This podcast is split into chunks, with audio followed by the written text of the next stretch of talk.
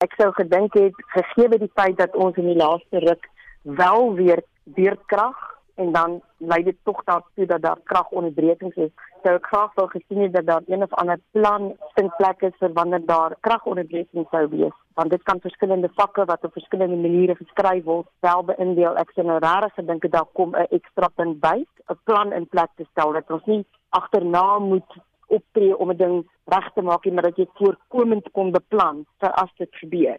Ek mis dit. Daar is 'n moontlikheid dat nie alle skole en sentra waar kinders skryf altyd krag sal hê nie en dit kan tot verskillende implikasies lei want party goeders word op rekenaars ook gedoen. Jy het ook gesê dat daar vir jou oordrewe klem is op matriekuitslae en jy het verwys ja. na die veiligheid by skole.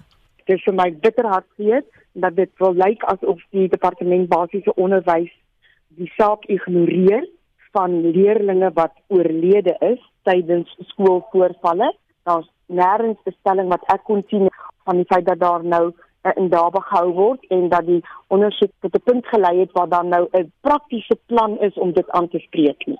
Dit kan tog nie geïgnoreer word. Al die planne moes al in plek gewees het 6 of 7 maande gelede vir hierdie eksamen, maar hierdie goeters wat in die laaste 3-4 weke gebeur het, dit moet nou aangespreek word want dit is dwingende kwessies wat leerders se veiligheid moet aanspreek en dit wil lyk asof die minister en haar span dit totaal ignoreer. As ons kyk na matriekuitslae, jy moet 40% in 3 vakke hê waarvan een 'n uh, amptelike taal moet wees op 'n huistaalvlak en 30% in 3 ander vakke om te kan deurkom. Dink jy dit is goed genoeg? Ons is nie enigsins vergelykbaar met die res van die wêreld in my nederige opinie nie. Ons het 'n unieke situasie van soveel verskillende departemente wat maar net 25 jaar gelede tot een departement gekonsolideer is en die feit dat die departement nou aan die slaagsyfer per matriek verander het maak my nie noodwendig bekommerd nie want dit gaan oor die ouetjies wat op die laagste parameter lê en wat tog ook 'n kans moet kry in die lewe om met die toekoms te kan begin. En gegee alles wat in 1994 95 saamgekom het om die nasionale skoolwet in 1996 te kon aanvaar in die parlement was nie 'n eenvoudige proses nie. Daarom as ek so kyk en ek sien dit lyk na 'n baie lae slagsyfer. Probeer ek altyd die perspektief behou dat dit gaan oor die ouetjies wat maar sukkel in elk geval om suksesvol deur die stelsel te kom en dat sulke uitslae tog vir hulle dan 'n sertifikaat in die hand gee om te wys dat hulle basiese skoolopleiding wel gehanteer het.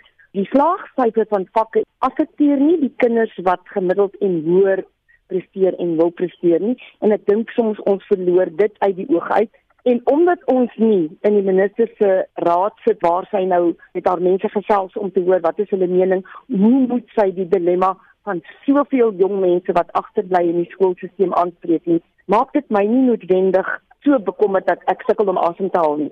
Die uitlek van vraestelle, jy het vroeër gesê dit is 'n ou probleem. Ek sê dit omdat ek dit aan my bas gevoel het. In die middel 80er jare tot by 1990 se kant was ek eksaminator van wat toe Engels tweede taal was. En as eksaminator moes ek beslis meer as twee keer 'n derde vraag stel en 'n memorandum saam met my mede-eksaminators opstel omdat die vraestelle uitgelek het. Dis is nie 'n nuwe probleem nie en die stelsel het dan net mense wat dink dit is baie snaaks om die ding op 'n oneerlike manier in die hande te kry en dan nou rond te gee.